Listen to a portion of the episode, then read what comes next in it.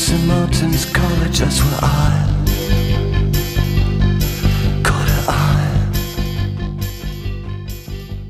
La meva amiga Marta està convençuda que ja hem viscut els millors dies de les nostres vides. Diu que l'estiu de 2014 érem felices i el pitjor és que ho sabíem. Per a ella, ser conscients del grau de felicitat que estàvem experimentant aquells mesos només pot evidenciar que la felicitat era molta i de deberes. Diu que normalment una bona època eh, s'assaborix quan ja ha passat. No saps molt bé quan estàs vivint-lo si aquests dies, dies són dels bons o dels dolents. Jo crec, però, que sí que es poden assaborir els dies bons mentre els vivim, però sabem que són bons quan hem viscut de roïns i tenim amb què comparar-los. No em malinterpreteu, no vull alimentar relats de superació ni tampoc romantitzar el dolor, però sí que crec que ens vindria bé assumir que forma part de l'experiència humana, que hi haurà dies de tot i dies de res, i que esquivar-ne uns o voler fugir dels altres només ens allunyarà del que anomenem vida. Oh, you're so funny, I said, yeah. Huh. I can't see anyone else smiling. Are you sure? You wanna live like common people. You wanna see whatever common people Hola, octubre, bona vesprada, com esteu? Podeu aplaudir, podeu fer ruido.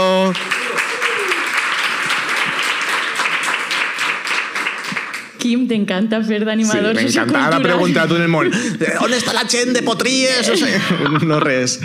Eh, gràcies a tots per vindre eh, a este primer directe de la nostra gira Tardor-Hivern, que encetem avui així en el Centre de Cultura Contemporània a octubre. Eh, gràcies també a Acció Cultural i als joves d'Acció Cultural per muntar la podcastera d'este- de l'octubre, no? d'aquest espai, i per apostar pues, això, pels podcasts fets en València en el nostre país. Eh, volem fer una, un xicotet comentari. Eh, ara mateix està sent la concentració en suport a Palestina a la plaça de l'Ajuntament de València. Només volem dir que ens sap supergreu haver coincidit en hores perquè nosaltres ens haguera agradat molt estar. Eh, Si se n'aneu a meitat no passa res, ho Claro, si entendrem, arribeu és l'excusa perfecta. Ho entendrem, o sigui, el que està passant és gravíssim i, bueno, ja que la comunitat internacional no, no, no dona el seu suport a Palestina, gent random ho fa. Gent random no reconeix l'estat d'Israel. A qui li puga interessar què pensa gent random.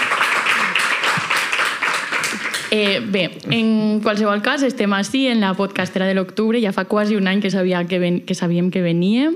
Les predecessores van ser de parquineo i van deixar el llistó molt alt. Eh, esperem no decebre-vos. Aquelles persones que vau estar res superarà les anècdotes de Carmen amb Carlos Ríos. Solo los reales entenderan. Eh, nosaltres som gent random, per qui no ens conega, parlem de literatura, eh, som els intensets de la podcastera, no? un poc repel·lents. Us ha tocat aquest rol? Sí. Eh, esperem que hàgiu portat paper, paper i llapis perquè així veniu a aprendre i a estudiar. Mm, més alt que ningú. I res, som Quim Ruiz, jo mateix a Lourdes Frasquet i Miguel Alemany als comandaments de la nau. Podeu pegar-li un fort aplaudiment. I avui estem super ben acompanyades amb una de les autores a qui més ganes teníem de convidar. Benvinguda, Aina Fullana, com estàs?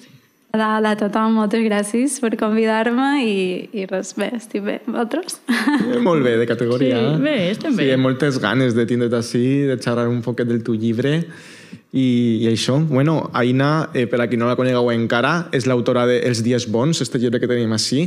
Va guanyar el Premi València de, que cada any eh, dona la Fundació Alfons el Magnànim i, i si no heu llegit el seu llibre podeu pujar ja corrents a la Fan a comprar-lo perquè de veritat que és una passada, és un dels llibres que vam xalar fa dos anys ja que va eixir i, i això, mm, moltíssimes alegries mos ha donat este llibre. Aixina que enhorabona, Aina.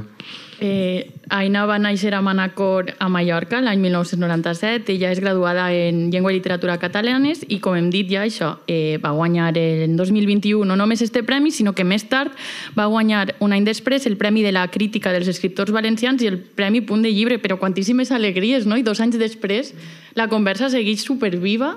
Jo crec que això és com quasi més guai que tots els guardons, no? Exacte. Ara farà just dos anys, és d'octubre, a final d'octubre, que va sortir i estic supercontenta.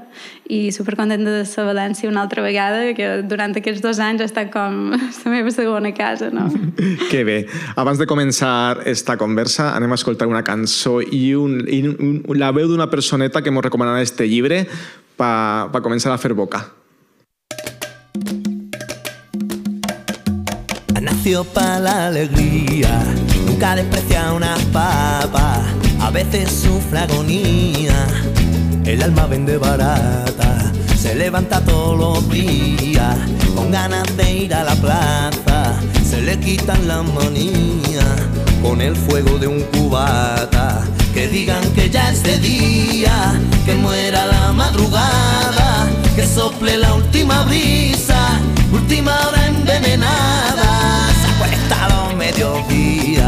Con una carita guapa, pensando en mil tonterías, buscando la cama gata, una mirada perdida, las pupilas dilatadas. Aquí no hay Dios que se ría, maldita la luz temprana, porque uno cuando se lía le engaña la madrugada y las nueve sinfonías se escuchan desde la almohada. Y la verdad no le va nada mal al chaval Porque sabe que el tiempo se escapa. Y sube la ventana que empieza a soplar airecillo de la luz del alma.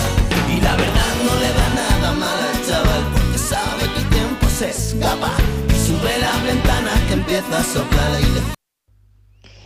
Bon dia. Eh, primer de tot, em fa moltíssima il·lusió saber que aneu a dedicar un gent random als dies bons i que està convidada eh, l'autora Aina Fullana al podcast. Em fa moltíssima il·lusió. Per a mi, aquesta novel·la eh, va ser un descobriment, jo crec que com a tots i totes, òbviament. Eh, jo la vaig llegir en dues hores, me la va regalar el meu company, me la va regalar en el 2021, al novembre, i acabava de a ell, eh, ell l'havia l'havia llegit ja i em va dir l'has de llegir, Mercè, aquesta novel·la l'has de llegir. I me la, me la va regalar i estava, estàvem a València i recorde tornar de València a, a casa, a Burjassot, i començar a llegir-la al metro, eh, baixar del metro, eh, arribar a casa i acabar-me-la perquè no podia parar de llegir crec que és una novel·la que, malgrat la duresa, eh, el llenguatge, el llenguatge viu, el llenguatge que utilitza l'Aina eh, fa que t'atrape d'una manera que no pugues parar de llegir. També la manera en què està escrita, no? aquestes tres veus que t'ho van contant la història, que vas veient amb ells, eh, no? com els buits de les narracions, com cadascú d'ells eh, conviu amb una mateixa història. Per a mi això és molt important. No? Jo crec que les novel·les eh, que últimament que he llegit que reflexionen molt sobre la, la memòria en la ficció, eh, quan veus aquestes històries contades des de diferents posicions, sempre te n'adones no? de, com, de com les nostres vides, allò que contem, no deixa de ser una ficció en la que en la que omplim els buits no, de les nostres històries eh, depenent del que volem contar i sobretot depenent del que no volem contar. No? I per a mi eh, els dies bons té tantíssimes capes, té tantíssima, tantíssimes històries, tan, eh, està escrit d'una manera tan increïble que jo sabia perfectament que quan vaig iniciar el grup de lectura de Llegim Autores en català, eh, que havia de començar amb aquesta novel·la. Bueno, acabem d'escoltar a Mercè Pérez, bueno, i a Estopa, no és per nada, però ha sonat començat- Estopa a l'octubre. Hem començat posant vegada. una cançó en castellà, sí. Un acte d'acció cultural. Eh, però O sigui són Creu Sant Jordi. Vale, pues, Poca broma. Joan Fuster mos, mos perdona. Sí, y después de Estopa en senti... Es que a mí me encanta Estopa para cualquier momento. Que, lugar. ¿A quién no le gusta Estopa, por favor? I després hem escoltat a Mercè Pérez, editora de Sembra Llibres, argumentant per què hem de llegir esta novel·la. D'acord? No cal que la llegisqueu en dues hores, perquè, Mercè, carinyo, mm, este ritmo, por favor, però en dos dies sí, perquè és molt addictiva i, i damunt avui podeu pujar a comprar-lo i Aina pues, el firma, si voleu. o bueno, estem així explotant d'una manera que no... Bé, Mercè Pérez ho ha dit en la- en l'àudio, a banda de lloar esta novel·la, va ser la primera proposta que va fer en el grup de lectura Llegim en català, que va fer en la repartidora on se llegien, l'objectiu era llegir autores dones que escrivien en català, no? o traduccions en català. I la primera hora va ser la seua. De fet, per així he vist algunes de les persones que van participar d'aquest grup de lectura, que va ser una sessió, no sé si per ser la primera o pel llibre, però superbonica, superespecial. Tu estaves també, no, Sí, Lourdes? estàvem els dos. Sí, mm, vam treure molta punta a aquesta història, d'això que segurament tu mateixa diries, però això jo no ho he escrit, perquè suposo que els Esteu autores... flipant massa, no? O sigui, claro, no en plan, no volia- pegant massa voltes, però nosaltres vam treure, bueno... I per començar a parlar un poc del llibre, ara te preguntaré, Maina, Eh, podem dir que és una novel·la sobre drogues i addiccions, seria una lectura superficial segurament, perquè sobretot és una novel·la sobre molts temes. Podem dir que és una novel·la sobre la família, sobre la memòria, sobre Mallorca i Manacor, sobre mentides i veritats, sobre les nostres vides com a ficcions. És una història que, que ens remet a tots aquests temes i molts més, no? Tenim el retrat d'una família, podem dir-ne, clàssica. Eh, els pares se coneixen en una discoteca quan eren joves, ell és extrovertit, xerraire, domina les situacions, ella és tímida, callada, la menuda de moltes germanes, es deixa fer, tot va massa ràpid, context de creixement econòmic, 180, 90, gent treballadora que tenen feines que es permeten veure bé, tenen una filla, després un fill per a que no se porten massa anys, viatgen, sobretot on ella, di- on ell diu, queden amb els com- amics, El pack completo, El pack no? completo. Casa, hijos, no sé què. perros, que mira, d'aquella manera, queden amb els amics, però sobretot amb els seus. Ella se centra més en els fills, ell cada volta para menys per casa, i de fons l'addicció de Xavier, el pare, cap a les drogues. Un poc així n'ha resumit, no, Aina? Està perfecte així. Sí, he fet un bon resum de l'obra, sí. Bueno, és un relat polifònic, ho ha dit la Mercè. Tres veus, tres visions de la mateixa història. Ara se parla molt, està, és com un estil que haureu parlant, està bastant de moda, no? Este, este, eh, contant el mateix relat des de diferents punts de vista i l'Aina és el que fa. El Xavier, la Martina, pare i mare, i l'Ariadna, que és la filla. També hi ha el Ferran, que és el germà menut. I el context és la Mallorca dels anys 80, 90, 2000, un poc creixem amb la família, amb els fills i amb la seva evolució. Turisme, hostaleria, creixement econòmic, crisis... I cadascun dels personatges potser se centra més per la seva situació en un d'estos moments, en un d'estos fets, no? Si bé sobta, perquè com dic, quan els contraposem, a pesar de que par- parlen del mateix, pareix que siguen vides totalment diferents. Però això passa un poc en la vida, no? O sigui, quan vivim una situació pot ser...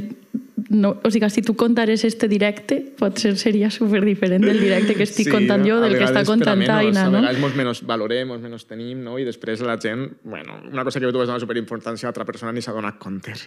Però en aquest cas és, és, és greu, eh? perquè, per exemple, poso un exemple perquè se feu a la idea, eh?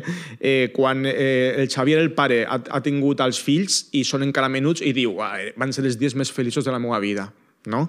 Eh, feien mil plans, els diumenges, el diumenge s'agafàvem el cotxe i anàvem a voltar pels pobles, la xiqueta a voltes plora, me molesta un poc, però bueno, és normal, no? Sin más. I els mateixos fets, quan, els, quan els narra la Martina, la mare, són traumàtics. És un pare que no se'n responsabilitza de res, que només se dedica a consumir, a estar de farra, que algun diumenge els agarra el cotxe i va a 150 per l'autovia tota hòstia, i quan la xiqueta crida se fica superviolent, quan la xiqueta plora, que un dia va agarrar un gos i el va estampar contra una paret. Els mateixos fets, per a uns són superfeliços, els dies més feliços de la seva vida, i per altres són molt traumàtics. Aina, això és així. Tu vas triar contar la història d'esta manera, amb esta polifonia. Contamos, per què ho vas decidir fer així?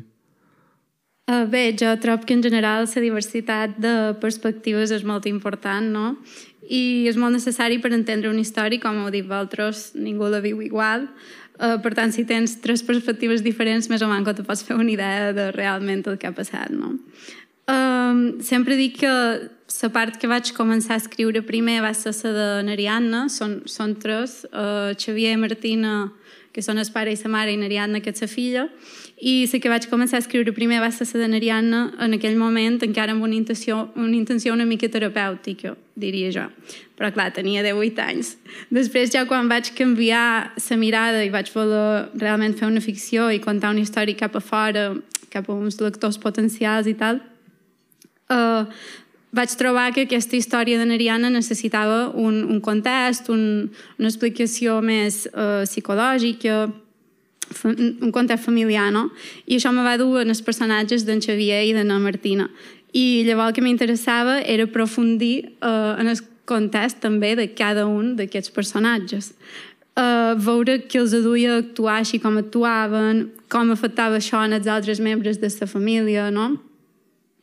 I un poc en resum, volia parlar de drogues no només com una causa, sinó també com una conseqüència no? de, de les circumstàncies viscudes per el personatge addicte. Um, sí, un poquet és això. I és que, a més, està molt ben escrit perquè quan et llitges la primera part li ho compres tot al Xavier, no? Dius, ah, sí, que Ho feliços, tot, uau, és sí, normal, que bé, sí, sí, sí, un, que un te- poquito que te de drogues caballo. cada fin de semana, ¿Por qué no? Dame un poquito más, sí. claro. Sí, sí, sí. Li compres el marc. Està molt bé. La veritat és que com que les tres parts canvien molt i crec que això també demostra molt, jolín, una tècnica literària boníssima perquè la primera part és super ràpida, la segona part a mi me'n va portar a Rodoreda, total, i la tercera és com un poc més, no?, narrativa millennial d'una persona Sí, jove. la primera es més kinky. A mí me recordaba al Juarma. Y no sé si el coneixeu, este, es- este rollo más de drogues, col·legues que queden a fer-se fa ropa, no sé què. La segona és veritat, quan m'ho vas dir, vas dir, la Martina és aquest acostumisme, aquest seny, aquesta família, no? I la filla és veritat que és més, és més, més natros, no? Més jove. Sí, la podem comprendre totalment. Bé, això, eh, en realitat, per mi va ser com... Eh, no, no fàcil, però sí que no va ser tan difícil com pot semblar, perquè al final el fet que sigui una història basada en fets reals eh, me donava com un punt de partida o un model en el qual basar els personatges i, i clar, eh, va ser fàcil ficar-me també dins el seu cap, perquè al final jo crec que tots, um, tots som capaços de, de ficar-nos dins el cap d'un personatge concret, perquè també tots som personatges, tots som més estereotípics d'allò que, que mos agrada admetre, no? Vull dir, uh, jo ara mateix aquí en aquesta sala, cada un de vosaltres vos mir i pens, aquesta persona és igual que aquella amiga meva, aquell altre és igual que aquell personatge d'aquella sèrie, o el que sigui, no? Vull dir, sí, eh, tots podríem ser un personatge i per tant tots podríem intentar escriure un personatge.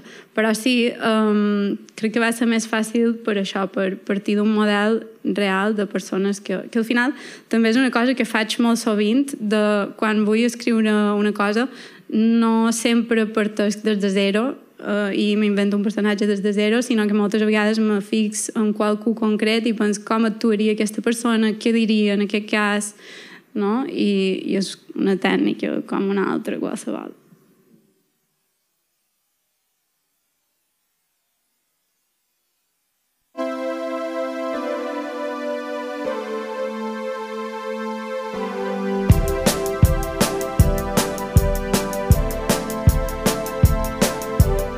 Classificats per sa final de patinatge artístic.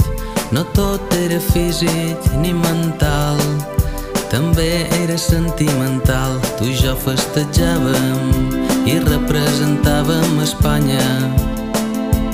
A l'Olimpiada d'hivern del Canadà abans de sortir tu vares dir te casaries amb jo i vaig contestar avui mos casam si guanyem la medalla d'or. En sincronia i a màxima velocitat te'n vas a l'aire amb una força increïble i a punt de caure tallaf te faig la morta i jo vaig alerta. Feim una curva oberta agafa energia i teixet només amb Sonava Calgari 88 d'Antònia Font, eh, on Pau de Bon narra la gesta d'una parella que guanya la medalla d'or als Jocs Olímpics d'hivern en la modalitat de patinatge artístic i per a celebrar-ho es casen. Eh, segons aquesta lògica dels esdeveniments, Aina Fullana s'hauria d'haver casat tres vegades, una per cada premi. Eh, no sé, vols confirmar o desmentir alguna cosa? Que sort que no he hagut de fer patinatge artístic perquè crec que no n'hauria guanyat cap de premi.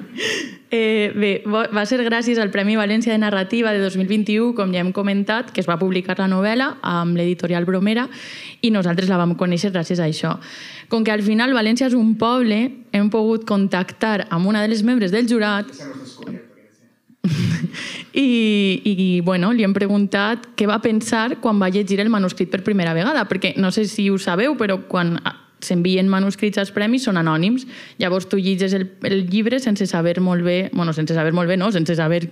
Si saps qui és, és que el premi està un poquet amanyat. Aleshores, bueno, llitges el, el llibre sense saber qui l'ha escrit i això és el que va pensar Aina Montferrer. La primera vegada que vaig llegir el manuscrit dels Dies Bons com a jurat del Premi València de, de novel·la en valencià, en català, me va impactar moltíssim perquè en comparació amb els altres manuscrits era el que utilitzava una manera de dir més underground, més dialectal i per a mi més autèntica i més viva. Els altres manuscrits, si bé estaven molt ben escrits, eh, estaven tots molt expressant-se d'una manera molt pareguda, no? amb, una llengua molt, amb una llengua estàndard, amb uns recursos ja molt tocats en la, en la literatura catalana i no m'impactaven, no em seduïen de la manera que me va seduir el primer terç dels dies bons, que després ja és més calmat, però aquest primer terç de novel·la és que te passa un camió per damunt, no?, quan el llitges. I per tant, eh, sí que vaig defensar molt eh, que guanyara el premi els dies bons perquè a mi m'agrada allò kinky, allò underground, allò autèntic. I Aina Fullana ho va fer superbé. De fet, en aquest premi eh, vam deixar desert eh, el Premi de Narrativa Nova en català i després ens vam adonar que el Premi General, el de novel·la en català, Ciutat de València, l'havia guanyat una persona de 23 anys i sí que ens vam impactar molt perquè ens havíem construït la figura de l'escriptor d'aquesta novel·la com segurament pensàvem que era un home i sobretot sí que pensàvem tots que era una persona eh, que ja tindria uns 60 anys o, o uns 50 i molts o per ahir, no? Que ho hauria viscut o que hauria conviscut als anys 90 amb alguna persona amb aquest tipus de autodestrucció i dependència de les drogues. Per tant, jo almenys em vaig alegrar moltíssim, crec que tot el jurat ens vam alegrar molt de trencar els cànons i de, i de sorprendre'ns i d'haver fet visible d'alguna manera una novel·la d'aquesta qualitat i una escriptora que encara té tantes coses per dir i que s'expressa també, no? Tant bé, vull dir. I després també doncs, he de dir que no m'agrada molt, pràcticament gens, ser jurat. Igual com Lourdes m'entendrà, no m'agrada gens ser examinadora no? de, de València, dir tu tens un C1, tu tens un C2, amb gent que no conec de res i simplement com un policia, com un jutge, dir tu sí, tu no, tu vals, tu no vals. I el mateix em passa quan sóc jurat, no? Quan sóc jurat, si no passen coses tan boniques com el que va passar amb el premi que va guanyar Aina Fullan amb els dies bons, doncs sí que si te toca un jurat en el qual les altres persones tenen uns gustos més, més generalistes, més típics en la literatura en català i a banda tu eres una membre del jurat, la més jove i la que en principi té menys galons, doncs acabes acceptant uns resultats dels premis literaris que no són els que en principi jo defendria per a la cultura en català, el que m'agradaria que fora i que, i que s'ampliara en el sentit de l'underground i de les perifèries però en aquest cas vaig estar molt contenta de, de poder formar part de fer guanyar un premi a, a aquesta novel·la i enhorabona a Ina Fullana i esperem pròximes novel·les tan boniques com aquesta. Ha dit moltes coses. um, bé, entre ella i la Mercè me posaré vermella aquí enmig, però bé, unes quantes coses. Uh, primera, que jo ja ho sabia, això que se pensaven que era un home de 60 anys. I, I no me va sorprendre, però a la vegada me va alegrar un poc que fos un premi anònim, perquè moltes vegades m'he demanat si, si hauria guanyat igualment, no? si haguessin sabut qui hi havia darrere. Uh, després també que m'ha passat el que diu ella de ser jurat d'un premi i haver d'acceptar decisions que al final no, no estàs del tot d'acord, no? Sobretot m'ha passat justament que jo era la més jove també i era l'única dona i tota la resta eren homes de 60 anys i, i clar, el que deien ells al final anava a missa, no? I, i no sé què més ha dit, volia comentar unes quantes coses, però ja no me'n record. Així que me fa gràcia que digui que, que espera novel·les d'aquesta escriptora que s'expressa tan bé, perquè estic aquí, Marta de Nirvis, que pens que no m'estic expressant gens bé. No, no, no la intimitat del teu escriptor. Estàs expressant molt bé. Eh, la veu que escoltàveu és la d'Aina Montferrer Palmer, efectivament, Aina Palmer, que a banda de dur a terme una banda de música una dona del renaixement, que fa de tot. Eh, té un projecte d'autoaprenentatge del valencià de mica en mica, fa classe a la uni, va ser... Mm, fa un doctorat. Va ser tribunal d'oposicions d'algunes Te va persones. donar la plaça. No me va donar res, eh, aquí, per favor, a veure, una cosa, eh? bueno, Aina, moltes gràcies per l'àudio. Aina Montferrer, moltes gràcies per l'àudio. Eh, jo crec que la teua novel·la dona per a parlar de molts temes i no només pels que tracta, sinó també per haver rebut un premi. La meva pregunta, la primera pregunta que tinc per a fer-te és si abans de enviar el manuscrit al premi vas pensar publicar-lo per altres vies, per exemple, enviar-lo directament a una editorial o no? No. No, perquè per una banda no sabia ni com se feia ni res, vull dir, jo no tenia ni idea de com funcionava una editorial i per altra banda, un poc el que he dit, no? que si ja és difícil eh, guanyar un premi i que s'acabin de llegir la teva novel·la quan has enviat un premi, com ha de ser difícil que l'enviïs a una editorial i se la llegisquin i se considerin la possibilitat de publicar-la. Uh, sobretot tenint en compte que ja he dit que era una lota de 24 anys que a més no coneixia ningú, no? I ja no me refereix que si era un personatge públic o no, o, o si havia publicat alguna cosa anteriorment, sinó també en el fet que no tenia contactes dins el món editorial ni literari i gairebé cultural, no? Vull dir... Uh, I no és un retret a les editorials perquè al final mm, pobres eh, van de bòlit i, i no estan per arriscar-se no? Publicant un llibre que no saben si se vendrà o no. Per tant, directament vaig decidir enviar-lo a premis fins que me cansàs i, i no sé, mira, vaig dur la sort que el segon que vaig enviar va guanyar la novel·la i així no me vaig poder cansar d'esperar. Hem de dir una cosa, per si no ho sabeu, el Premi València té dues modalitats, no? Està la València Nova, que és per a menors de 35 anys, o persones que no hagin publicat mai. Diguem que és un poc per descobrir noves veus, i el Premi València és ple, per a tot el món, saps? En pla, autors consagrats, autors nous, i la tia va guanyar el premi de tot el món, saps? O sigui, no el de noves veus. Va passar com una arrolla, arrolladora. Per ahí. I una cosa que passa moltes vegades, que sí que, bueno, no sé si hem comentat tant en micros, en el programa que és que van fer allà per la segona temporada, que va vindre Mercè, que va vindre Carles Fenollosa, sí que van parlar una miqueta dels premis, però clar, això és ja uf, molt vintage. Sí, del tema de descobrir noves veus, no? si el panorama literari valenciano estava un poc anquilosat, en quatre noms, si costava molt entrar, que entrar a Sac Nova... Clar, és com que acaba passant una cosa i és que el sistema literari català en general i el valencià en particular, però, bueno, països catalans, no sé què, eh, acaben depenent molt dels premis, no? És a dir, si no és a través d'un premi és molt difícil que et publiquen, pel que comentava un poc Aina, no? O sigui, les editorials tampoc s'arrisquen pel context, perquè publicar literatura en català no és tampoc una cosa fàcil, des d'un punt de vista rendible, econòmicament parlant, etc. no? Eh, Tu penses que els autors i les autores que escriuen en català poden deixar de dependre dels premis per a publicar o no està molt bé la cosa? A veure, jo no ho sé perquè no som una experta, però en relació amb el que heu dit, sí que pens que... O sigui, entenc que dins tot aquest rebombari de premis i veus noves i, nove, i, i joves promeses i no sé què, hi ha una intenció també de, de voler tenir uns autors consagrats per, per com a marcar una certa continuïtat no? dins el panorama literari però jo crec que molta de la gent que guanya premis, bé, no molta, però justament eh, jo mateixa i també, per exemple, penso molt sempre quan parlo d'aquest tema en Pilar Codon, que va escriure Distòcia i va guanyar el Premi Documenta 2021. Um, clar, jo no sé si tornaré a escriure res mai o si tornaré a publicar i ella va dir directament que vol seguir sent veterinària, que no se vol dedicar a escriure. Uh, també hem de pensar un poc en el context que ens trobam ara com a autors, no? que és que no tothom se pot dedicar a escriure exclusivament.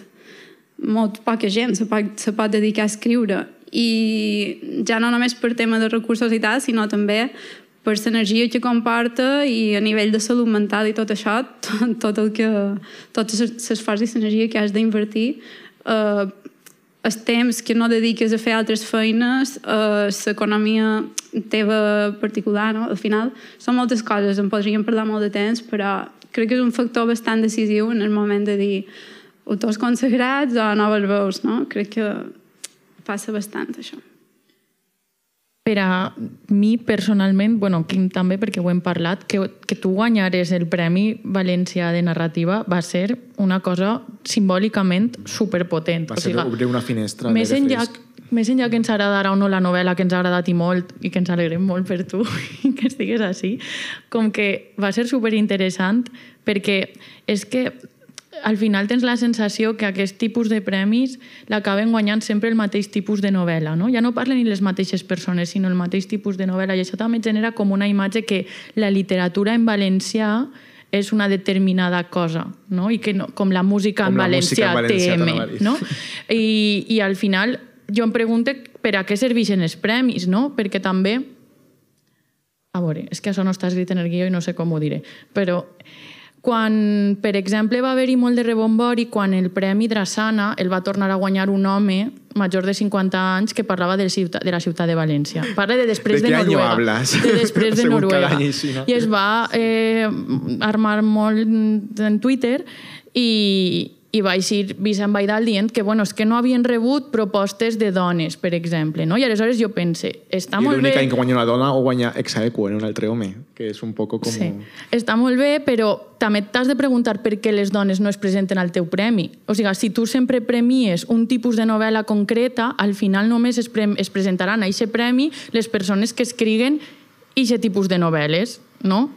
I en aquest cas era mm, homes majors de 50 anys parlant de València ciutat, però en el cas de València, el Premi Narrativa d'Alfons el Magnànim, doncs podrien ser-ne uns altres. Mm, Un poc el que comentava Ina Montferrer en l'àudio, no? que un llenguatge molt estàndard, molt, molt poc... Mm, Sense arriscar massa en la- Sí. en l'estil, en la forma... Aleshores, una persona que, es, de, que es proposa escriure una novel·la en català més, mm, no sé, diferent, doncs diu, no, vaig a presentar-me este premi perquè este premi no me'l van a donar, perquè sempre premien este tipus de novel·les.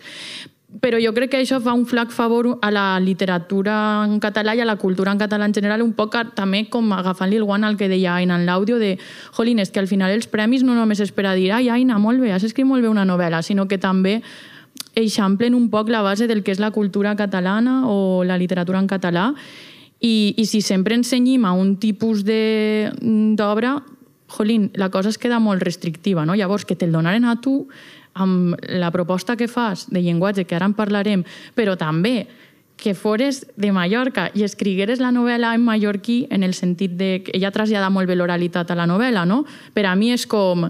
Bueno, mira, és que eh, tots els pamflets que digueu que el català i el valencià són la mateixa llengua no serveixen de res, serveix molt més a això que acaba de passar, no? O sigui que a València premien una novel·la d'una autora mallorquina, uau, super... No sé, em va aparèixer com Era Aina superbonic. Fullana, tres voltes rebel. Dona jove mallorquina i parla de temes que no són apropiats a la seva edat. Uh, de fet, això que, que deies ara de, de descobrir, d'obrir un- una mica el ventall, uh, és un poc en relació amb el que jo deia també abans, que encara que jo ara, per exemple, no torni a escriure, o sigui, jo mateixa me separo molt de la meva pròpia obra perquè Molt bé. jo sempre dic que jo la vaig presentar perquè trobava que la novel·la se mereixia com que la gent la pogués conèixer i no, no jo com a escriptora, vull dir, jo ara mateix el meu únic valor com a escriptora és aquesta novel·la i, i era això, no? Que jo, al final, és això un poc egocèntric, que diuen sempre que, que els escriptors creuen que tenen alguna cosa a dir o no sé què, però sí, vull dir, has de ser una mica egocèntric per escriure i per voler que la gent llegeixi, no?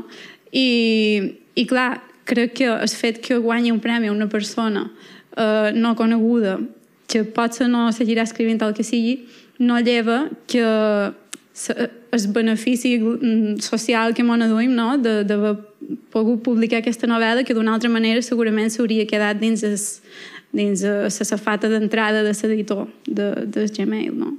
I una cosa que deia Mercè en un altre àudio, que és que, clar, el temps és limitat, però ens, hem, hem parlat Detallat. molt de la novel·la, no?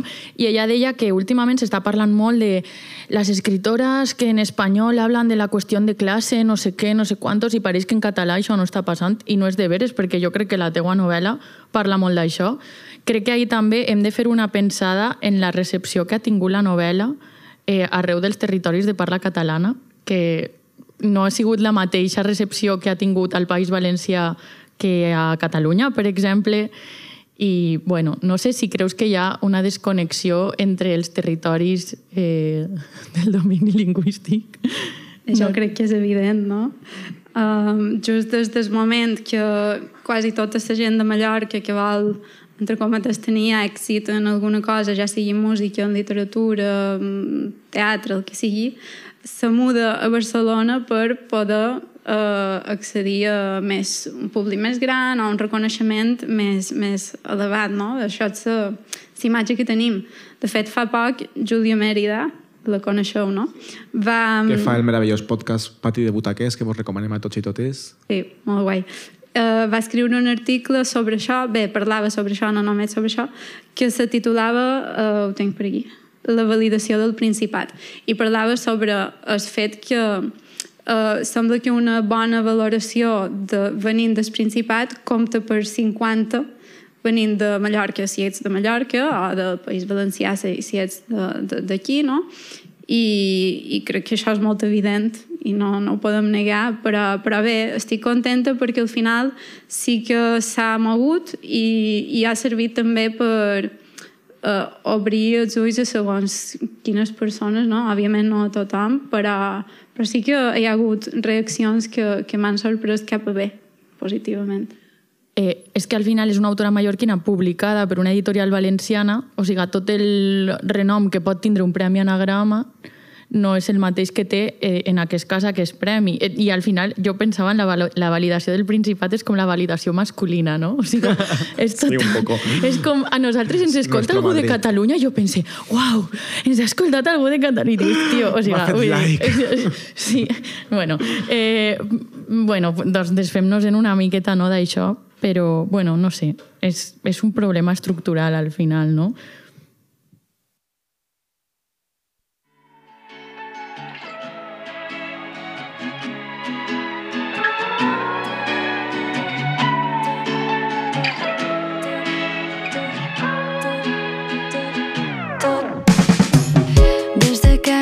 Entrat que no m'has llevat. Vaig ullets de damunt m'he normat que això s'havia acabat. M'has agafat pels braç per fer-me un pedaç. Quan m'has dit no saps com estic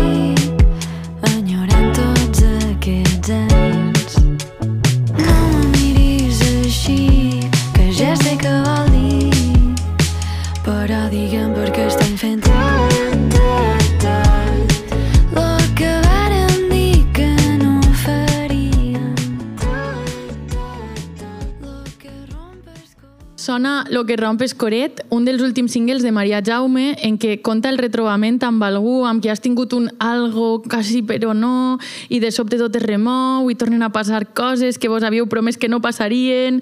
bueno, aquí no li ha passat mai això de servir-se una miqueta d'autoengany. Jo crec que és un poc eh, el que unix tots els personatges dels dies bons, no? Tots els personatges dels dies bons s'autoenganyen una miqueta, no? O sigui, al final cadascú des del seu punt de vista. Totalment, al final és la seva manera de sobreviure, no? Jo sempre ho dic, que són personatges que sobreviuen més que, més que cap altra cosa i és la seva manera de centrar-se en els dies bons i, i no en tota la merda que els en falta. Perdona. Eh, de la novel·la s'han dit moltes coses, una de les quals ha estat etiquetar-la d'autoficció. Eh, tenia tots els ingredients perquè això passara, autora jove, una història realista, costumista, ambientada en un espai i un temps que l'autor ha viscut. A mi, personalment, ni l'etiqueta ni el gènere em semblen problem- problemàtics, fins que la crítica ha començat a utilitzar-ho com un dardet enverinat per a denostar la narrativa escrita per dones joves. Eh, D'una banda, mm, no sé, eh, pareix que es diga com que les dones joves només poden escriure sobre la pròpia vivència i això és mentida. Torne a citar Noruega, però Noruega de Rafa Huerta és un exemple claríssim d'autoficció i ningú l'ha titllat d'autoficció. Tots, la novel·la de la ciutat, no sé, és autoficció. Està estupendo, però és autoficció. No? Però Pues no, com un és un senyor, senyor major, claro. no és autoficció. Vale. De l'altra, eh, també em molesta perquè és com, que, com si la realitat viscuda fos una, una font literària menys important o menys vàlida que altres, no? És que, que hem d'imaginar guerres de galàxies amb espases làsers perquè la cosa siga digna. Bueno, eh, vos recomano que escolteu o que llegiu a Annie Ernaux sobre el tema perquè ella directament rebutja la ficció en totes les seues formes a l'hora de fer literatura i ha guanyat un Nobel. Oh, sorpresa. La literatura de lo woke, no sé què. Bueno, no sé si tu identifiques els dies bons com a novel·la d'autoficció, si et sents còmode en esta etiqueta, si et molesta... Uh, bé, abans de contestar exactament en això, uh, el que tu dius que la font de, de la vida pròpia es, se considera més mm, menor, no? Uh, és una, un doi com una catedral perquè al final sempre escrivim des de la pròpia experiència, encara que escrivim sobre espases làsers i galàxies inventades, això també diu molt de com som i de com és la nostra vida i de com vivim la nostra realitat, no? Uh, I bé, jo amb el, amb el concepte d'autoficció com a tal, no és que no m'hi senti còmode, però sí que penso que confonem els conceptes o que no hi ha un consens sobre què és autoficció, què és autobiografia, etc. No? Perquè jo teòricament el que coneixia com a autoficció és mm, quan l'autor eh, i el personatge tenen el mateix nom eh, i també quan eh, l'autor juga molt amb aquestes fronteres de la realitat i la ficció explícitament, no? quan tu saps que estàs llegint una cosa que és realitat i després no, i ell te va, te va guiant per aquest camí. Per tant, no, no, no crec que els dies bons sigui autoficció, però sí que té parts autobiogràfiques. Això és el que jo diria. Uh, tampoc no diria que és una biografia o una autobiografia, perquè mm, la meva intenció era molt literària i, i des de en el principi sí que me costava molt que me fessin aquesta pregunta de veure si és real, si no és real, perquè me sabia greu reduir la novel·la o limitar-la només en això, precisament per això, perquè jo havia posat molta voluntat literària i no, no m'apareixia bé, no? Però ara m'he reconciliat una mica um, perquè, bé, crec que m'estic adelantant. No, no, tira-li, tira-li, no patisque. perquè, perquè al final, bé, per una banda, tothom llegeix la novel·la també depenent de la seva perspectiva i les seves circumstàncies i, i mira, no passa res, si després me demanen jo els explicaré el que penso i ja està. Però també perquè considero, o sigui, veig, m'adon de la importància que pot tenir el grau de realitat en una novel·la que parla, per exemple, de drogadicció o que parla d'un altre tema concret, mm, social o que sigui. Uh, si al final això serveix per posar consciència entorn a aquest tema i ajudar que, que la gent vegi realment la realitat no? que, que hi ha darrere de la drogadicció, me sembla positiu. Ara bé, sempre uh, des de la claredat que, que, que jo sí que estava escrivint una novel·la, no? És que jo crec que hi ha com, com... que és una qüestió molt del moment actual. Hi ha més interès quasi a preguntar sobre la vida de l'autora que sobre l'obra literària, no? que és un poc el que estaves comentant i, i, i amb el tema que tractes pot ser el morbo s'incrementa. Mm, però crec que, ens, que passa en general, eh? o sigui, com que tu llitges entrevistes o escoltes podcasts sobre autors o autores que ens agraden i al final sempre s'acaba parlant com un poc més de la vida personal que no de l'obra. Que mos encanta el morbo, no? I clar, tu llitges la filla de la novel·la que té la teua edat, que estudia el mateix que tu, que viu al teu mateix poble i dius, ah, és ella, és la seva vida, no? I no dones compte que acabes de parlar d'un senyor que va començar a treballar en un hotel als anys 80 i que se va començar a fotre coca i heroïna i no sé què, i d'una mare que té un rei totalment diferent, no? I, ostres, encara que tu fores l'última persona, l'exercici literari que has fet abans d'això és increïble de posar-te en, no en una pell diferent, sinó en moltes pells i contar-ho amb, amb un nivell de versemblància increïble. Sí. Anem a escoltar una cançó i seguim. I els al·lots alcen ses mans al cel cridant winter is coming però els senyors obren els xiringuitos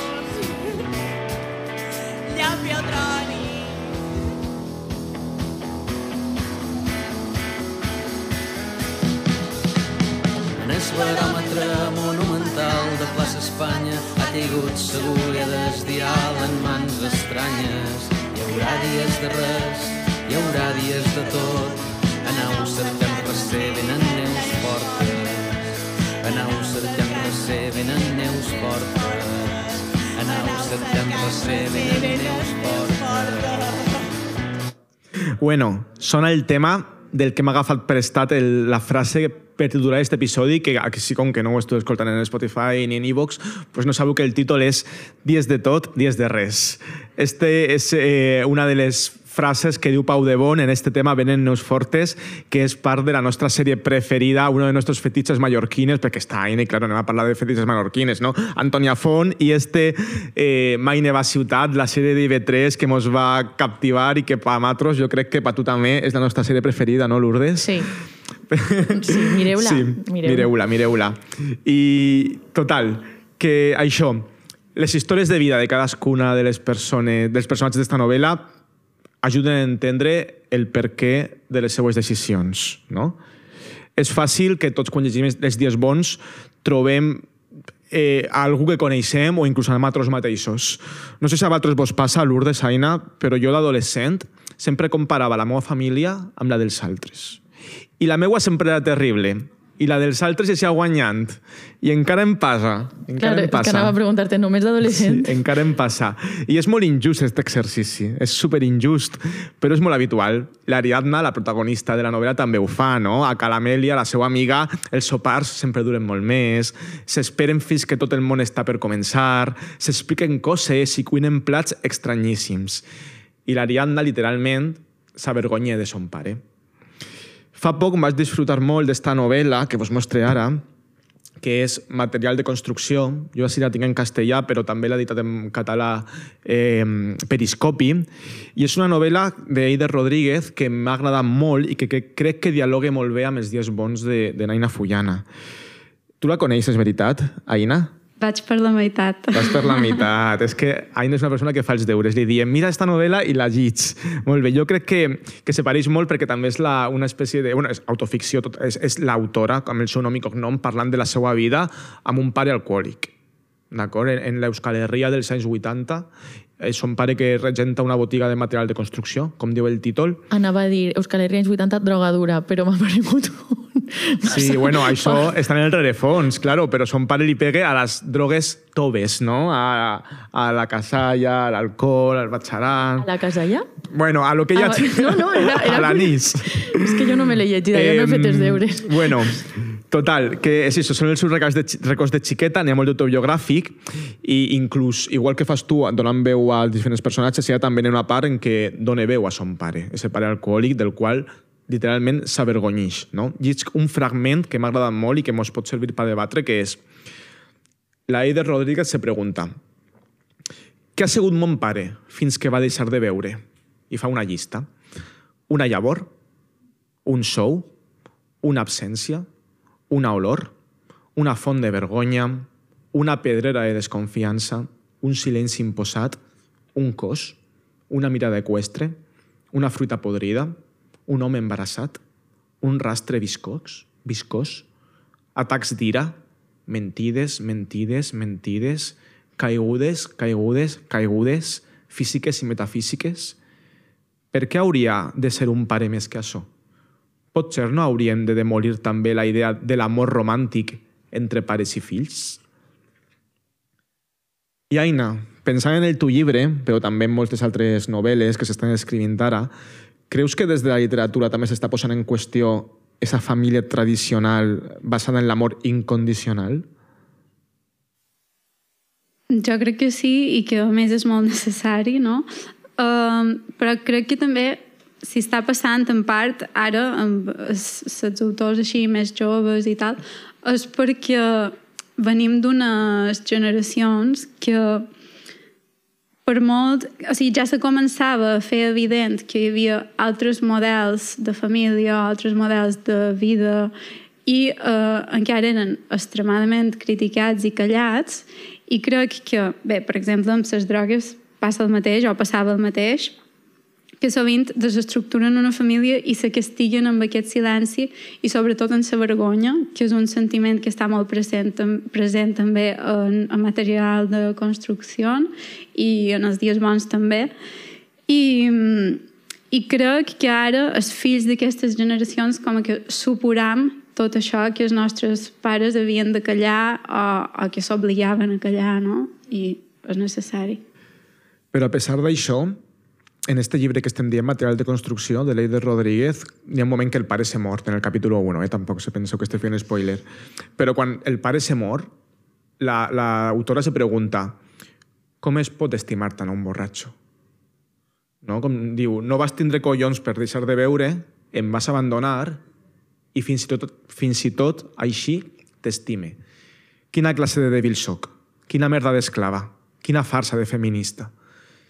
I després, llegint entrevistes que li han fet a l'autora, ella mateixa diu que va començar a escriure una altra cosa i va acabar escrivint una història d'amor. No? Eh, no sé si en els dies bons, Aina, n'hi ha, alguna, n'hi ha algo d'això, n'hi ha algo de perdó i d'amor cap al pare toxicoman, a pesar de tot. Uh, sí, bé, i no només cap al pare, sinó també a Martina com a, com a la seva dona. Hi ha un moment que diu una frase que és molt similar en aquesta que has llegit de, de Neider, que diu uh, com es pot estimar qualcú que fa tant de mal als qui l'estimen, no?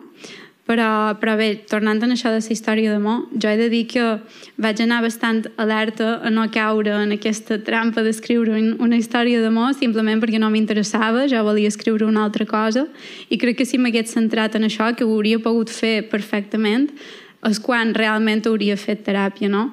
Ara ja parlant, no només com a autora, sinó també com a filla d'una persona addicta, eh, crec que és evident que aquesta relació que establim amb el nostre pare és com la primera relació d'amor tòxic que tenim, no? I les dinàmiques que s'estableixen amb aquest pare són les mateixes dinàmiques que s'estableixen amb un nòvio tòxic que tens a l'adolescència o el que sigui, eh, amb mesura de confiança, seguretat, traïció, no? I, i sentir com que, que tu vius per intentar guanyar-te l'amor d'aquesta persona. Uh, per tant, sí, hauria pogut... De, de fet, es perdó i, i aquesta necessitat d'entendre, que jo crec que al final la necessitat d'entendre qualcú és una demostració molt gran de l'amor que sents cap a aquesta persona, eh, està molt present a la tercera part, la de Narianna, que ell el que vol és entendre son pare, i crec que Neider també, també ho fa, en certa manera. I, i clar, clar, jo crec que és inevitable mm, per, el manco parcialment no escriure aquesta història sí. d'amor. No? És veritat que ha aquests destellos de la Diana que dius que a pesar de tot s'estima son pare, sobretot els dies bons, no? però eh, entenc el que dius que no vols caure en aquest parany i que fuig, no? i el final, bueno, és un final que no el faré spoiler, però que un poc te deixa i ai, em laia el cor, no? Tu dius que escrius com a teràpia i, ostres, és fort això, no? I, i m'encanta que ho compartis, que se sent natros, que t'obrigues, però segurament les persones que ho llisquen a vegades per ells també pot ser terapèutic, no? Eh, llegir situacions en les quals s'han pogut veure reflectides com a persones que conviuen o que pateixen addiccions, no? Tu creus que també pot ser una escriptura, una lectura terapèutica, esta novel·la? Um, Mira, jo no ho sé, però sí que hi ha molta gent que m'ha escrit dient-me que, que els ha servit, però crec que sobretot el que pot, per, pel que pot servir o pel que m'agradaria que servís és un poc el que he comentat ja abans de crear una consciència um, i també, òbviament, per el fet que tal vegada hi ha molta gent que no s'hi sent identificada, no? Vull dir, quan llegeixes o coneixes alguna cosa, una persona, el que sigui, que té una vida molt diferent de la teva, és quan realment obris la teva perspectiva i creixes, no? Fins i tot escoltant aquest podcast i escoltant eh, opinions sobre altres lectures que no coneixes, mm, és quan realment pots créixer més i espero que això els dies bons ho hagi aconseguit encara que, no, que sigui una persona o dues A Mallorca hi ha una dama que és hermosa com el sol té la era rossa i llarga a fins als talons A Mallorca hi ha una dama que és hermosa com el sol. Té la era a fins als talons. Sa mare la pentinava amb una pintata d'or. Valga'm Déu, Aina Maria, robadora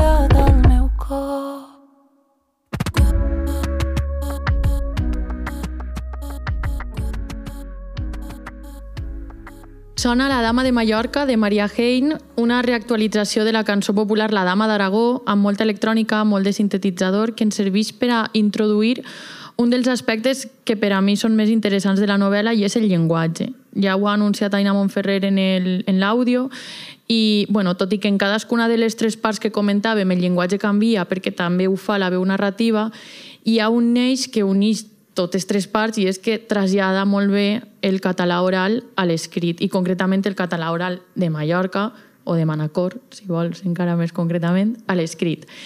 Eh, en la literatura en català no hi ha una tradició massa estesa de fer això, o sigui, alguns exemples recents que hem vist són Marta Rojals o Maria Climent, Mm, I això podria explicar-se un poc per la situació sociolingüística en què vivim, no? O sigui, el català és una llengua minoritzada, tots és que esteu així en Acció Cultural ja ho sabeu, però eh, sempre s'ha pensat un poc que la literatura podia ajudar a bastir un model de llengua, no? a estandarditzar la llengua i, i que es creara un estàndard.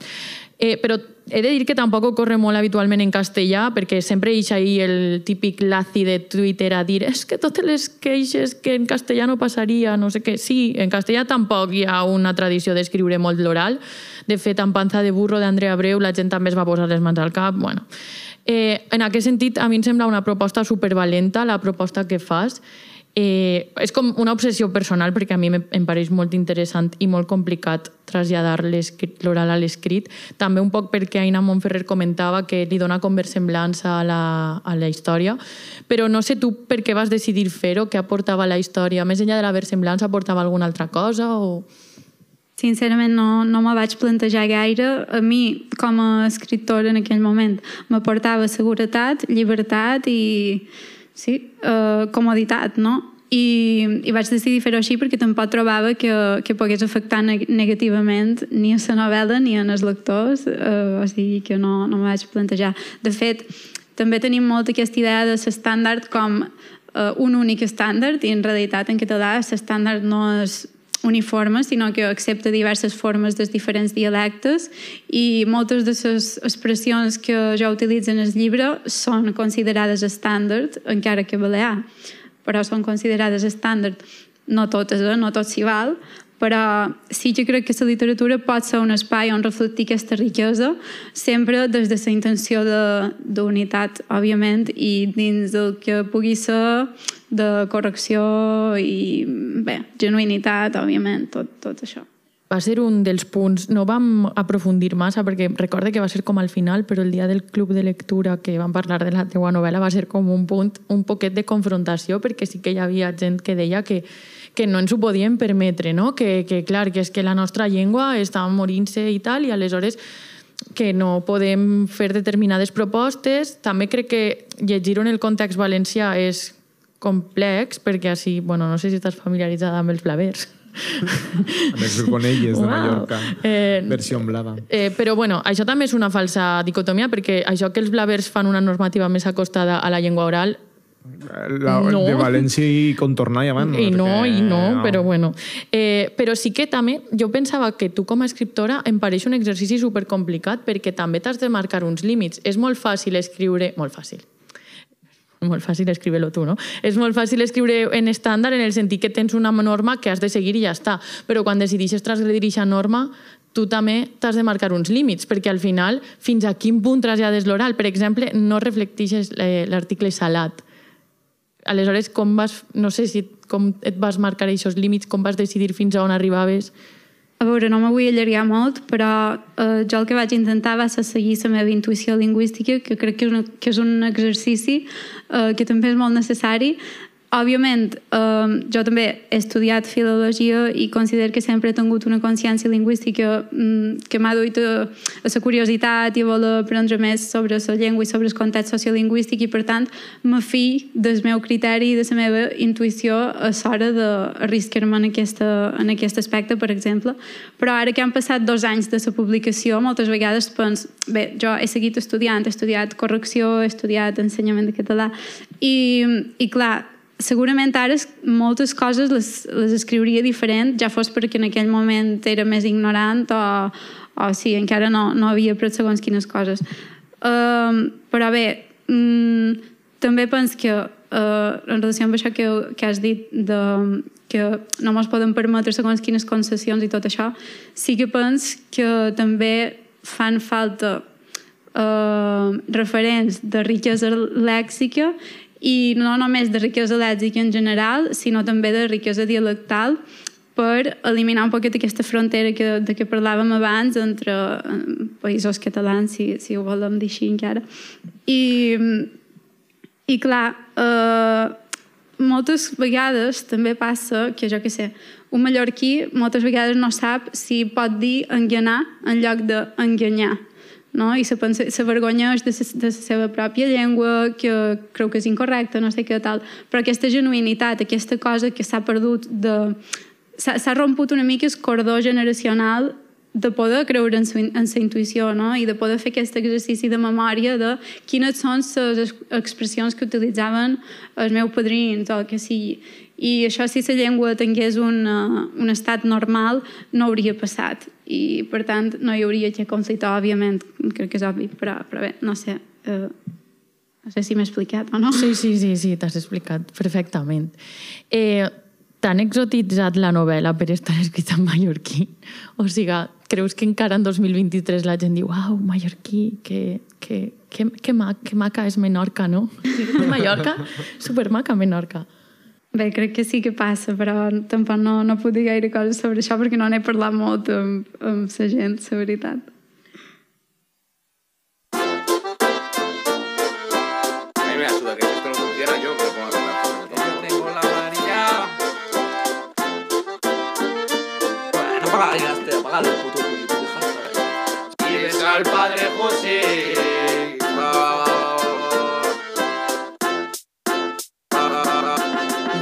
Batzuk aterako gara baina sufiziente izan gaitezke lau.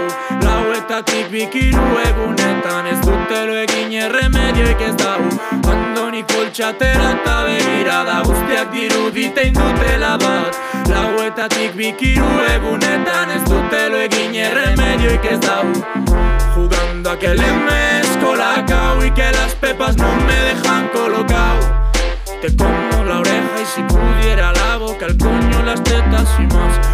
Jugando a que le mezco la cao y que las pepas no me dejan colocado.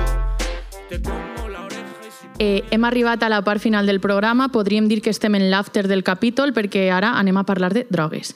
Eh, ara, ara passarà una safata amb un assortit de substàncies diverses perquè trieu quina vostra llista estar. És broma, no tenim tant de pressupost, però són eixes les coses que passen en els afters, no? Jo no ho sé, a mi, a mi m'ho han A mi contat. també, jo no... I és de veres, eh? O sigui, no és, la típica, que- no és la típica anècdota de l'amiga soy jo, és que sóc caixina de figa, no he estat mai de after. Sí, bueno, jo, jo, crec que síndrome de l'impostor, nosaltres parlant de drogues, però... bueno. si vos voleu convidar algun dia, igual anem, jo que sé, los 30 són los novos, no sé què, no? Bueno, eh, possiblement eh, les drogues són l'eix temàtic de què més s'ha parlat quan s'ha parlat dels dies bons. Eh, és un tema molt complex, no només en la literatura, eh, sinó també en la vida. Mm, justament per aquest motiu han titllat la novel·la de kinky. O sigui, han dit que Les dies bons és una novel·la kinky. Tu estàs d'acord amb aquesta etiqueta? Um, no ho sabia des, des principi perquè tampoc no tenia molt clar què significava kinky, però després parlant amb gent justament a la repartidora um, me varen fer veure que òbviament no, no ho és per més tema de classe social i tot això, no? Al final no estan parlant d'uns personatges marginals, sinó sí que potser se mouen per segons quins entorns i tal, però tenen un altre tipus de vida, no? Clar, jo tampoc estava d'acord perquè jo crec que és, la, li diuen kinky perquè és l'estigma que se s'associa a les Mm, Perquè el drogues, Xavier no? va a no sé quin barri de gitanos de Palma a pillar droga, però són moments puntuals. És un tio amb una vida normal, un empresari exemplar inclús, no? amb una família estàndard, vull dir... No, no, això no és aquests baixos fons i també la cosa és que la droga no és només això, no? És com dir que els violadors són els que t'arraconen en un racó fos, no. O sigui, és molt més habitual, molt més present i, i una cosa que passa molt desapercebuda si no saps mirar-la bé. És que jo crec que partim d'una base errònia i és que hem d'assumir que tot el món és droga. Pot ser sí. O sigui, és que quan el fas adulta és de veres. Sí. O sigui, al final, bueno, El ritme del capitalisme és el que tiene. és, tot el món Ja és droga. Sí. Eh, i, I aleshores deixaran de sorprendre determinades coses perquè com que partixes d'un altre punt dius, ah, vale, tu no? vale. bueno, perquè jo pensava, un xicotet empresari, no sé què, com que no és el prototip que tenim en ment... No és el yonqui de és la jeringuilla en un Però descampat. després penses, ah, un xicotet empresari que no sé què... Ah, pues sí, també, sí. no? Sí. Eh, Precisament, perdoneu. Precisament aquesta també era una de les meves intencions, no? Vull dir, desmentir tot aquest eh, estereotip. Claro, la realitat és més complexa del tòpico, va molt més enllà. L'altre dia llegia en Twitter a Ben Yard, que no és que siga un referent res d'este senyor, bueno, Ben Yard és una de les persones que canta en Chill Mafia, no sé si heu vist... Jo no sé el, de qui era, però vale. no sé si heu vist el gameplay sobre drogues, sabeu què és Gameplays? Gameplays és un programa de, era un programa de ràdio televisió espanyola, van fer un programa dedicat a l'MDMA concretament i va aparèixer una persona molt drogada de MDMA intervenint i serà ben llarg. Bueno, tot això per a dir-vos que no és un referent de res, però iba a dir que hay una tendencia de llamar romantizar a decir absolutamente cualquier cosa sobre drogas que no sea no las toméis. I jo crec que un poc sí que és cert, no? O sigui, que discurs hegemònic és les drogues són roïns, no en prengueu, i se centren molt en, en campanyes en qüestions més sanitàries, diguem. Eh, però no aborden altres eixos que interfereixen de plen les addiccions. Per exemple, no sé, se m'ocorre el context socioeconòmic o les condicio- condicions materials de qui, de qui es droga. No? Jo crec que això l'única cosa que fa és abocar l'estigma a les persones addictes. L'exemple més clar el trobem als barris obrers de tot l'Estat entre els 80 i els 90, amb especial incidència a Euskal Herria, però bueno, també és un poc el que reflecteix la primera part dels dies bons, en què es va introduir l'heroïna per desmobilitzar la joventut organitzada amb la complicitat precisament de l'Estat i de les forces de seguretat. Eh, totes hem escoltat històries de xeringues a terra, hacia València, per exemple, no es podia baixar al riu, eh, però, òbviament, no es parla mai del problema estructural, sinó que s'assenyala l'individu, no? O sigui, ahir també hi ha un component molt fort de classe, no t'has esforçat suficientment per deixar de ser addicte, després també és com una qüestió que arrastra molt la família, no? la vergonya que tu comentaves abans... Eh, la idea era desarticular, desarticular l'organització política, i, però al final les coses se'n van un poc de mare no? i les conseqüències són imprevisibles. I, I va causar molt de dolor el tema de l'heroïna i també en aquest moment estava la sida que es transmetia a través de les xeringues i és una cosa molt forta que nosaltres som la generació hereva d'allò, continua sent un secret a veus, no sé... Mm, Ara mateix eh, als Estats Units hi ha un problema gravíssim amb el fentanil. Eh, hi ha 2.000 persones morint a la setmana per sobredosi de fentanil, eh, que per cert està arribant a Espanya. Una cosa que m'ha passat és que quan vaig buscar eh, informació sobre el fentanil per a este guió, després a Twitter només m'apareixen tuits sobre fentanil. Ah, pensaba que no ibas a decir que Instagram te sugería dónde comprar, no sé qué. Crec que Instagram encara no controla el mercat negre, crec, però bueno, si m'esforço un poquet igual podria averiguar-ho, però, sí. fa molta Pero es por. por lo de Estados Unidos, eh, yo también ho he sentit. mm, molt- muchas torres gemelas, pero mor cada día tan más gent que les torres bessones pel d'este tema que, y, y bueno, y ahí está. El fentanil, per qui no ho sàpiga, és un opiaci sintètic amb efectes molt més forts que els de l'heroïna i molt, molt addictiu. Ha esdevingut un problema de salut pública enorme derivat precisament de la prescripció mèdica del fentanil. Eh, o sigui, eh, al final el que ha passat és que gent que rebia aquesta prescripció mèdica s'ha fet addicta a la substància eh, s'ha mort molta gent per sobredosi amb recepta, però després hi ha gent que quan se li ha acabat la prescripció s'ha vist abocada al mercat negre per seguir, eh, doncs, doncs perquè és addicta i aleshores necessita la substància per poder sobreviure, no? Eh, ahí hi ha un doble combo una miqueta pervers, que és l'especulació de les farmacèutiques i l'absència d'un d'un sistema sanitari públic fort i també les, les condicions socioeconòmiques de qui, de qui pren la substància. Mm, vos convide, si teniu l'estómac fort, a fer una búsqueda ràpida per Google i que veieu els vídeos, perquè la veritat és que fa moltíssima fa moltíssima por, o sigui, és que és com un carrer ple de zombis. I a mi ja em va aparèixer com eh, el, la, defin... o sigui, no sé, la confirmació total que era un problema molt estès, que nosaltres així ho llegim com des de la distància, però hi ha un grup que es diu Interpol, bueno, eh, va fer una publicació que tocaven en no sé quin festival que en la, en la caseta del Merchant vendrien eh, l'antídot al fentanil que, o sigui, en pla, toquem en este festival, si aneu al Merchant també trobareu això, per si algú li agafa una sobredosi, que sapigueu que podeu comprar-ne. És com, és com evident, o sigui, ja és com, no és que s'hagi normalitzat, però sí que s'ha acceptat que és un problema, no? I, bueno, sense anar a exemples tan grandiloquents, hi ha moltíssima penya treballadora que s'ha de drogar per aguantar les jornades laborals extensíssimes i duríssimes que s'han de fer. Pensen en gent que es dedica a l'hostaleria, en torns de fàbriques a altes hores de la matinada.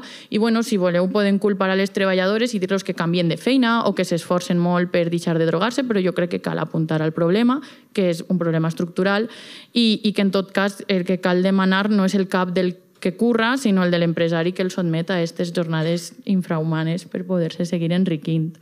Bueno, el que vull dir amb aquests exemples és que l'esfera de l'addicció és molt més ampla que un senyor que decideix punxar-se un braç en un banc del parc i que si no ho abordem des d'aquesta amplitud de mires pues només fomentem l'estigma i que continua sent un secret a veus, o sigui, i, i sorprenent-nos perquè no sé qui s'ha drogat.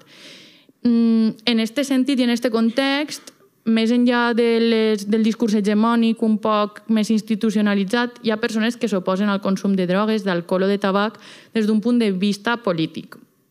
És el cas del moviment Straight Edge, que és un moviment contracultural molt reduït, però que em sembla interessant parar l'atenció a les raons que els han dut a prendre aquestes decisions i els he preguntat als del col·lectiu Straight Edge de la Safor eh, el qual naix de la necessitat d'eliminar les drogues, diuen, dels espais populars i d'aconseguir un ambient lliure d'actituds masclistes, tòxiques, homòfobes, especistes i prodrogues.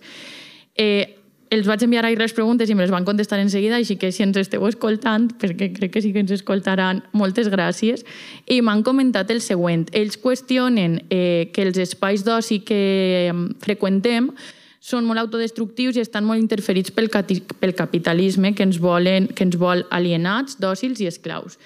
I m'han explicat que ser straight edge, perquè jo com que sí que tenia un poc una idea de què era, però em sabia com malament parlar d'això llegint la Viquipèdia. És gent que té tres X tatuades, no? Sí, una, no sé, una com a mínim, les, no ho sé.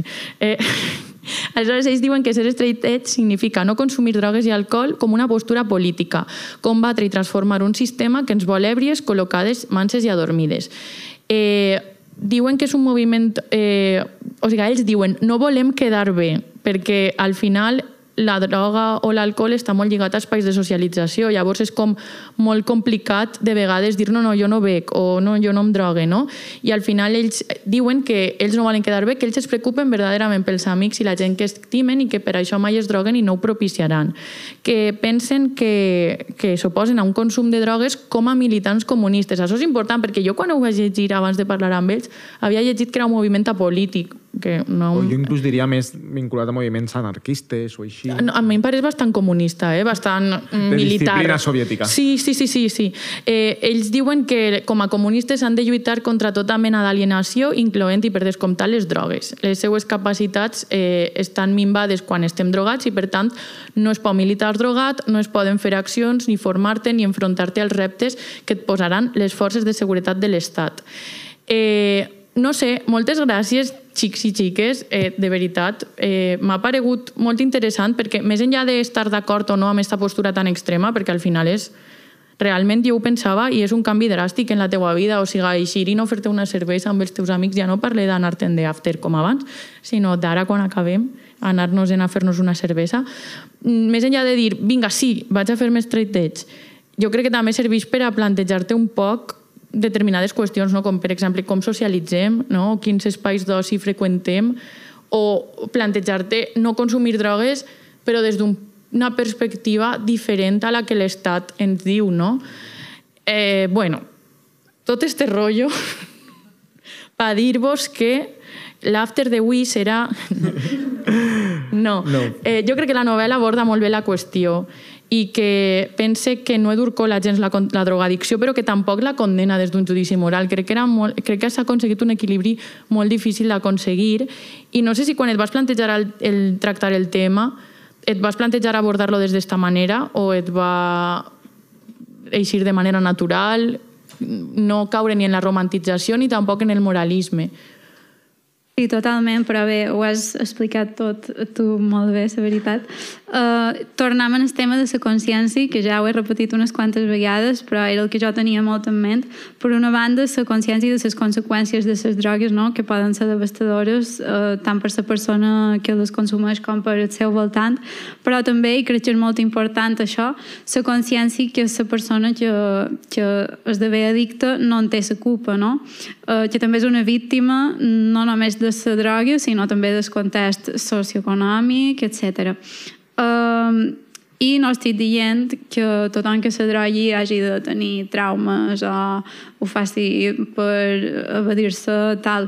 Però uh, sí que moltes vegades quan les empram com a via de diversió o, o via d'escapament també, correm el risc o el perill que actuïn justament de la manera contrària, no? que, que bé, que ens pot passar a tots, que no s'ha de tenir vergonya, això també és un altre punt que volia tractar i que volia fer veure i que, que no s'ha de culpabilitzar ni tampoc romantitzar, evidentment.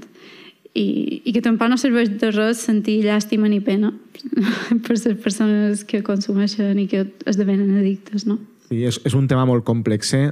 Nosaltres poca cosa tenim a dir. És, el que he dit abans, som un poc parlant del síndrome de l'impostor sobre aquest tema, però sí que abans, Lourdes, tu has posat sobre la taula diferents qüestions molt importants, que és el tema de el, con- la importància del context, no? de, de l'individu, de la... sust- Bueno, vull dir, hem de complexitzar un tema que a vegades és fàcil reduir-ho a tu eres culpable perquè t'estàs drogant i des del moralisme, no?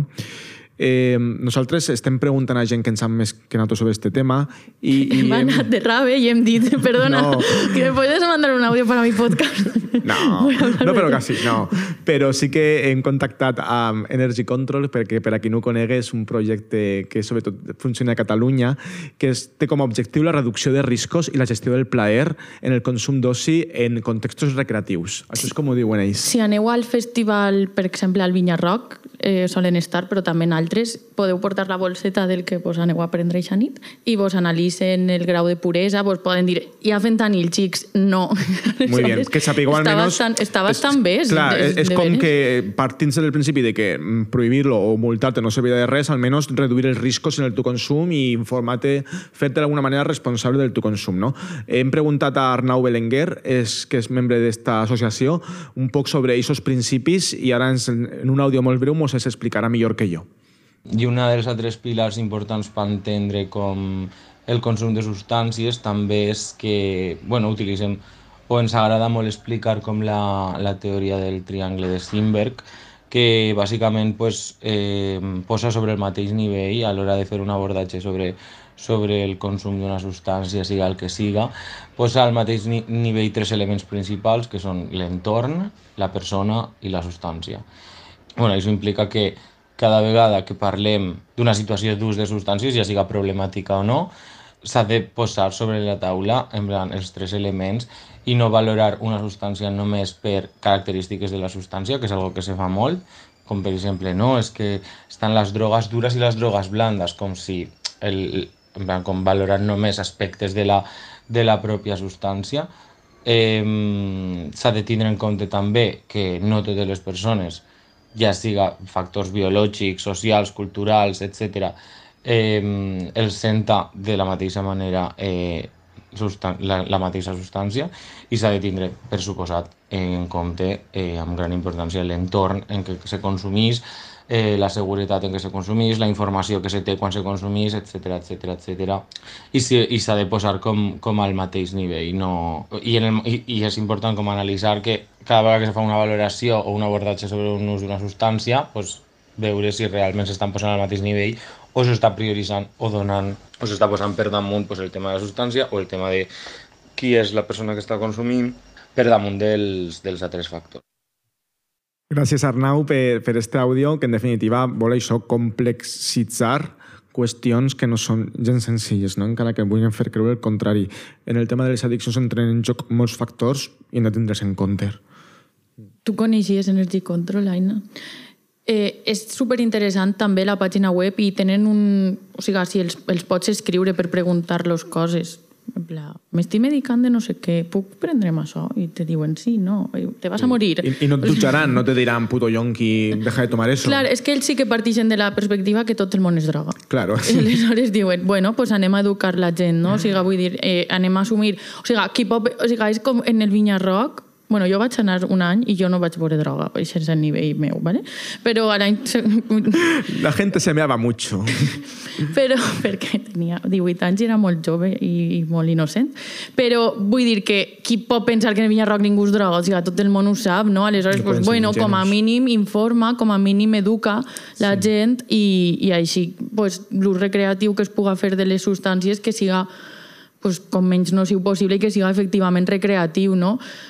Bueno, jo pense que més enllà de les qüestions estructurals, que el, ja el que hem parlat, jo crec que també hi ha una part molt humana en voler drogar-se, no? O sigui, eh, bueno, bueno, sí, eh, que és la de voler experimentar o passar-se-ho bé, no? Jo no, no sóc antropòloga, però jo, a mi em costa imaginar alguna societat humana on no hi hagi una presència mínima d'alguna droga, no? Totes les... No? Bueno, no sé si totes, però... Per curiositat, no? Al principi És sí. que també hi ha una part de passar-se-ho bé sí. i d'experimentar i de... I si els con- i de- amigotes ho fan, doncs tu No, i d'eixir de la realitat o conèixer altres realitats. Vull dir que és que també, si al final és una cosa que s'ha fet sempre, no? Bueno, no ho sé. Sí, sí, totalment, totalment. És que estic parlant així davant de, de les meves alumnes. Ai, Entonces, jo què sé. quin exemple de profe eres. Bueno, ja, la majoria ja no ho Estan criades, ja. Sí. Eh, però i després també està el tema de la gent que utilitza les drogues per estigmatitzar determinats corrents culturals. Per exemple, la ruta del bacalao. Ui, allò eren tot penya que anava cada fin de setmana a drogar-se i a estrellar-se en el cotxe per ahí. Clar, eh, vaig a citar així una persona que no sé si hauria de citar-ho perquè el món és molt menut, però m'és igual. Fa un poc va haver com una polèmica a Twitter, una altra vegada, de Miquel Ramos, ex Obrim Pas, que va dir que és que en la ruta la penya se drogava mucho i dic, chiquillo, en el fes lloc no. O sigui, o sigui, com dient que la gent s'alienava molt en la ruta, Ja. que no era un moviment polític perquè es drogaven. I dic, però a veure, o sigui, un poquet menys d'hipocresia, no? No sé. O sigui, bueno, Sí, sí, si els dies bons hagués estat en lloc d'estar en Manacor, hagués estat ambientat en Sollana, segurament Espuc, Xocolate apareixerien en cada, en cada capítol. Ja acabem, ja acabem. Eh, simplement, Aina, abans d'acabar, jo he, he disfrutat molt també pel realisme amb el que relates algunes escenes. Per exemple, n'hi ha una part de la primera part, la que és la més kinky, entre cometes, en què Xavier se'n va al projecte Hombre.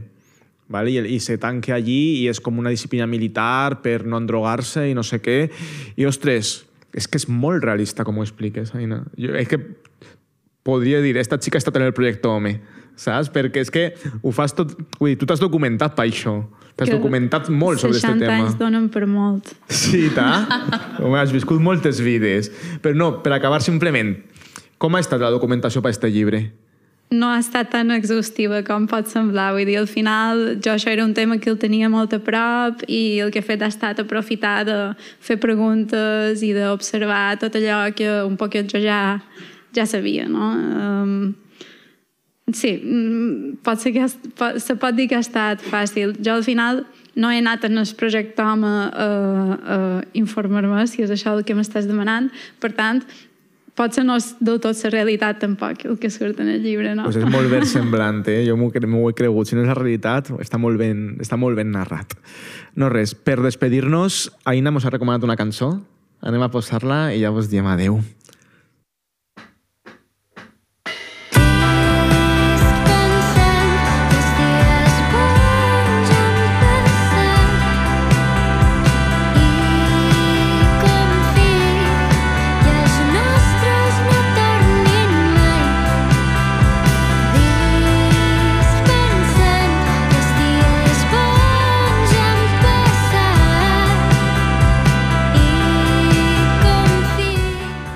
Sonant Dies bons de Rein, Reina, que l'ha escollida Aina, per què l'has triada? perquè és un grup de Manacor molt, molt bo, l'heu d'escoltar tots, i aquesta cançó, que se diu Dies Bons, va sortir quasi simultàniament en el llibre i sempre mos passa un poc com sou i sa gallina, no? que tothom mos demana si tenen alguna cosa a veure, però no, va ser una casualitat d'aquestes de sa vida tan agraïdes i, i res, això, reina uh, a tope. Moltes gràcies, eh, Aina, per haver acceptat la invitació i per vindre. Ha sigut un plaer. Moltes gràcies a vosaltres i a tots vosaltres també per venir. Un aplaudiment a Aina.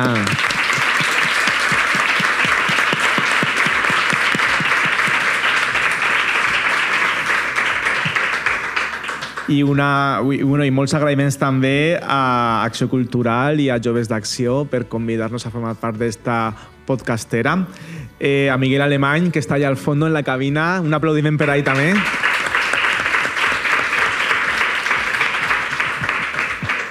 Gràcies a tot el món que ens ha enviat àudios, a Ina Montferrer, Mercè Pérez, Arnau Belenguer, d'Energy Control, a Straight Edge per les respostes i si vos ha agradat, si voleu seguir-nos, d'ací poc tenim noves cites. Vols comentar-les, Lourdes? La primera serà a Castelló de la Plana l'11 de novembre, en l'Espai d'Art Contemporani. L'11 de l'11 a les 11 del matí. I a més, saps que hem fet 10 del 10? Avui és del de- 10 del 10. Hòstia! I el pròxim és 11 Vale. de l'11. Pues el, el 10 del 10, és avui, l'11 de l'11, en un mes just, mos veiem a l'Espai d'Art Contemporani de Castelló. I parlarem de terror i parlarem d'Irene Solà! Que no estarà, va I- estar així fa poc. Encara podeu olorar el seu aura. I de, però- i de Mariana Enríquez. També. O sigui, duelo de titanes. I de la fantasia valenciana. I després, el 2 de desembre, gràcies a Aina... Tornem a tot- veure-la. en- en- eh, Ella ha vingut a casa nostra i ara nosaltres anem a casa Això és com d'ella. un partit de futbol. Ara, el- campo visitante, Eh, bueno, anem a el- Manacor. El 2 de desembre, que també si voleu vindre fletem ja l'avió, perquè i allà vindrà també en part Sí. i parlarem de... de, de... Ja ho veurem no de què sabem de què parlarem. Serà sorpresa. Estarà superguai. Però 2 de desembre a Manacor, a l'Escola Municipal de Mallorquí. I res, moltes gràcies a tots per vindre. Un aplaudiment per a aquí.